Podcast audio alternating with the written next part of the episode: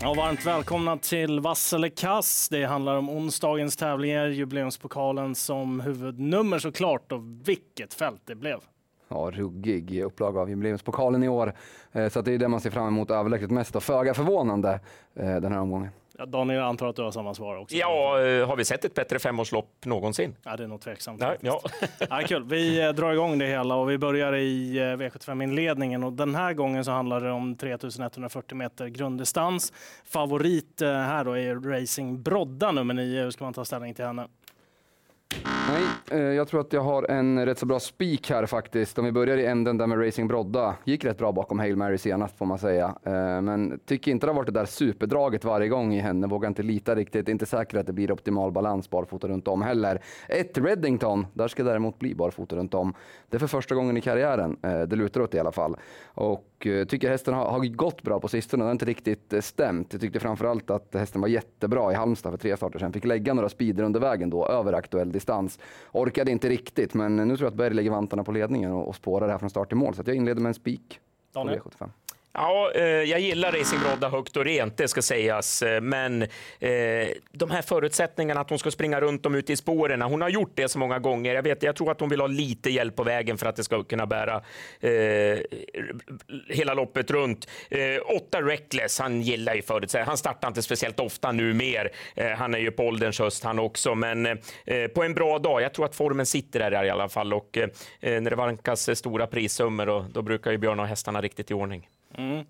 Eh, hon får rätt. Jag tycker Reddington borde vara favorit. Det brukar inte hända så här jättemycket i de här 3000 metersloppen utan det blir ganska avvaktande en stor del av dem och sen går det snabbt till slut. Och, ja, det kan ju vara tufft att hämta in längderna på honom. En som kan vara lite spännande också är Jasons Camden. Där. Jag tror inte den har visat riktigt allt vad den kan det är lite spännande att de provar den över lång distans. Det är ju mm, inte så vanligt att de amerikanska hästarna gör det. Men han står väldigt bra inne och det blir väl lite som ett test då, lyxstrecket på kupongen om man går utanför favoritduon. Där. Men Reddington störst tilltro till den, nummer ett. Och V75 2, där är Seventh Heaven nummer två favorit också ihop med Kristoffer Eriksson. Erik Adielsson är det som kör den här gången. Jag kan börja.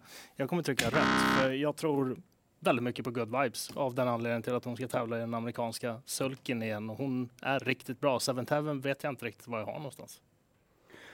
Stämmer in i det röda där, Seventh Heaven. Svårt att gå på en favorit som eh, hoppade bort sig direkt från start och senast, eh, redan innan man, man släppte iväg fältet. Inte jätteimponerad i, i starten innan där på Axevalla heller, även om det räckte undan då. Kortdistansen och ett plus för Seventh Heaven, men eh, jag hade stämt in i Good Vibes-kören fullt ut om vi hade fått barfota runt om där också. Men nu tycker jag att det här ser ut som ett eh, öppet lopp faktiskt, riktigt öppet. Kan nog bli en del körning från start här. Eh, Erik var intresserad av ledningen, eh, gissar att Mika Fors också lät trycka iväg tre Lara Bocco om den går felfritt.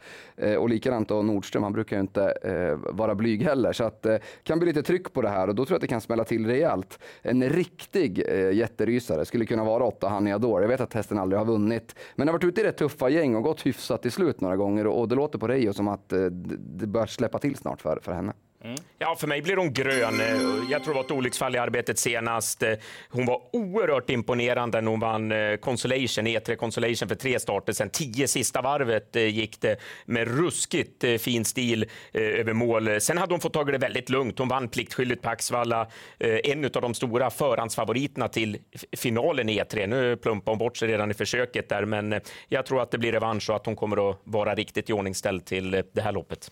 Vi går vidare till avdelning 3, avdelning 3 som är sto-EM och eh, det är ett härligt lopp naturligtvis. Väldigt stor favorit här, Melby Free nummer 6. Hon är jätteröd för mig. Eh, Melby Free var bra senast från, från ledningen, men då var det kort distans. Det tror jag är hennes absolut bästa distans. Eh, när hon har kommit upp lite i åren, hon är ändå sju år och har, har gjort det 36 starten hon står inför. Här har vi dessutom en, en given pansarvagn utvändigt till tre Allegra Gifont. Den hästen eh, var ju nära att slå Diana Sett eh, två, i två raka starter då, eh, inför senast där, men blev utkontrad båda gångerna. Eh, jag tror inte att Melby Free riktigt har samma vilja kvar som Diana Sett har, som är några år yngre. Eh, så att Allegri Font kan nog sätta upp tempot på det här loppet. Eh, passa 9 Unique Juni och 12 Dear Friend. Den sistnämnde funkade ju eh, äntligen senast och flög fram till slut. Daniel? Ja, för mig blir det också rött. Eh, jag eh, kan inte luta mig mot henne nu längre. Eh, fyra Rebella Matters, det måste hästen för min del. Trea senast bakom Facetime Bourbon, ingen sån i startlistan. Hon besegrade i Vichy för en månad sedan hästar som Dorgos Dugues och Karot William som vi såg på Åby nu. Hon är härdade mot grabbarna, så att fyra Rebella Matters, den är given. Mm, den är ju definitivt given. Dessutom har ju Ferbeck fått känna på henne en gång inför ja. här också. Och hon sköt till bra där mot Facetime Bourbon mm, mm, också. Sen eh, nummer ett, Ini Mini Mini Mo, eh, anmäld med amerikansk sulky och barfota bak. Dessutom Kilström uppe i sulken där. Känns ju lite småspännande. Det här känns som en väldigt öppen avdelning måste jag säga och stämmer även in där på Unique Uni nummer 9 och 12 Dear Friend. De har så jäkla bra speed båda de två så att de är högaktuella bakom också. Roligt lopp det där och eh, kommer bli ett spelvärt lopp också. Verkligen. Vi går vidare till den fjärde avdelningen. Lipstick Toma. Daniel Redén tränar, Kihlström i sulken är favorit. Är det lite förvånande eller? Eh, ja, alltså hon, eh, nu har hon ju inte vunnit. Jag, jag tycker rött på henne med tanke på, ja, dels har hon inte vunnit eh, de här senaste starterna. Det ställdes ju nästan orimliga krav på henne ett tag där tyckte jag när hon bara vann. Eh, hon kommer säkert att göra en bra insats, men 8 Digital Class, eh, det är en häst som har kanonform, eh, går hur bra som helst gång efter annan. Det måste få komma en etta där snart, så att det är många av de här som jag tror är tveksamma över den här långa distansen 2,6. Så att jag tror inte utgångsläget det är naturligtvis uselt, men eh, det gör mindre på långdistans. Det är bara att stämma in där. Eh, distansen som du säger där, bland, i storloppen brukar ju vara väldigt avgörande. Eh, tycker man ska nämna där att ett Dixie Brick har faktiskt aldrig förlorat över 2,6. Gjort två starter och vunnit båda. Dessutom visade förbättrad startsnabbhet från innerspår näst senast. Jag tycker den ska med, men jag tycker att det finns två stycken mer spel intressanta. Dels Digital Class som Daniel nämnde, har ju spurtat bra i 50 raka starter känns det som. eh, och så fyra Colmy Brodda. Eh, den hästen trivs också över lång distans. Jag tyckte den gick bra senast och, och, nu ska man försöka trycka sig till ledningen. Jag är inte helt säker på, på att eh, de invändiga där vill ta emot och kommer Kolme Brodda till ledningen, då har de en förlust på, på sex försök. Så att fem av sex i ledningen på, på Kolme Brodda, då kan det bli eh, seger. Dessutom så höjer hon sig alltid när hon möter bättre motstånd mm. också och hon kämpar ruggigt bra från spets. Digital Class, eh, senaste två gångerna hon har varit ute på lång distans. Dels så mötte hon grabbarna i silverdivisionen. Det var ju Rotate som vann det loppet. Den här som tidigare år har slagit Hail Mary. Hon var trea i det loppet. Gången innan på 2,6 då vann hon. Så att eh, hon älskar ju den långa distansen och är extremt spurtstark nummer 8 Digital Class. Den är given på kupongen men liksom där ganska öppen avdelningssträcka. Ett par stycken är väl rekommendationen. Från det till V75 5, Top 7-loppet. Och eh, vi eh, ska bedöma favoriten i det här loppet som är Balla USM. Hur är status på den egentligen? Men det är konstigt att den är favorit överhuvudtaget. Har ju gått helt i botten från utvändigt ledaren i två raka starter och ska samla ihop sig från det och förmodligen få en liknande resa igen. För Baloo USM är ju inte startsnabb. Så att, nej, eh, den kommer nog inte med på min kupong. Jag tycker den givna första hästen är 7-8 hour. Eh, lite flyt senast då på, på Jägersro, men gick med fullspänt över mål. Perfekt uppladdning inför det här loppet. Tror att den kommer till ledningen och där har den aldrig förlorat på tre försök. Så att det skulle kunna vara spets och slut på för Kevin där. Eh, vill man gardera, passa upp för två JJ Another Win. Den här hästen jag jagar mycket. Barfota runt om amerikansk sulky. Ja, och det blir rött eh, för mig också. Jag måste ha med nummer nio, Himalaya Sisu. Eh, jag var ju på Årgäng när den eh, till glädje för många delägare spurtade hem segern. Anmäld barfota runt om, två av två utan skor. Hon kommer att flyga lågt över upplopp igen. Jag gör så. Klarar första valet. 7-8 eh, hour som dessutom besegrade Benedetta Jet i den senaste starten. Den hästen var mycket övertygande med en seger på Solvalla för inte allt för länge sedan heller. Så att den kommer i full form och är given som första val. Top 7-tankar bara kort. Jag går på Himalaya Sisu. Ja, Himalaya Sisu och Gina The Win bakom 8 hour för min del. Mm.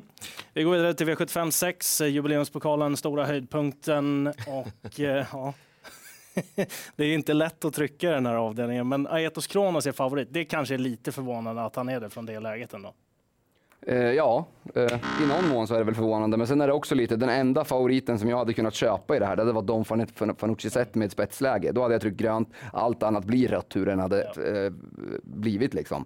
Eh, jag tror att det är löpningsförloppet som kommer avgöra exakt allt här. Jag tror clickbait spetsar initialt. Eh, får vi se hur Per lägger upp det. Kanske släpp till Hail Mary om Robban kommer tidigt. Eh, annars kan han nog prova där framme i ledningen. Det skulle kunna bli så att de glömmer bort den där framme, clickbait, och då är jag inte helt säker på att de får tag i han. Men får han tryck av någon, då, då tror jag inte han räcker. Eh, Don Fanucci sett tycker jag är första hästen, nummer 10. Annars fyra Axel Rose, eh, halvstängt huvudlaget, lopp i kroppen hos Berg och andra starten hos Berg där man ska ta. Och så lättas i balansen dessutom, så det är skrällen. Daniel?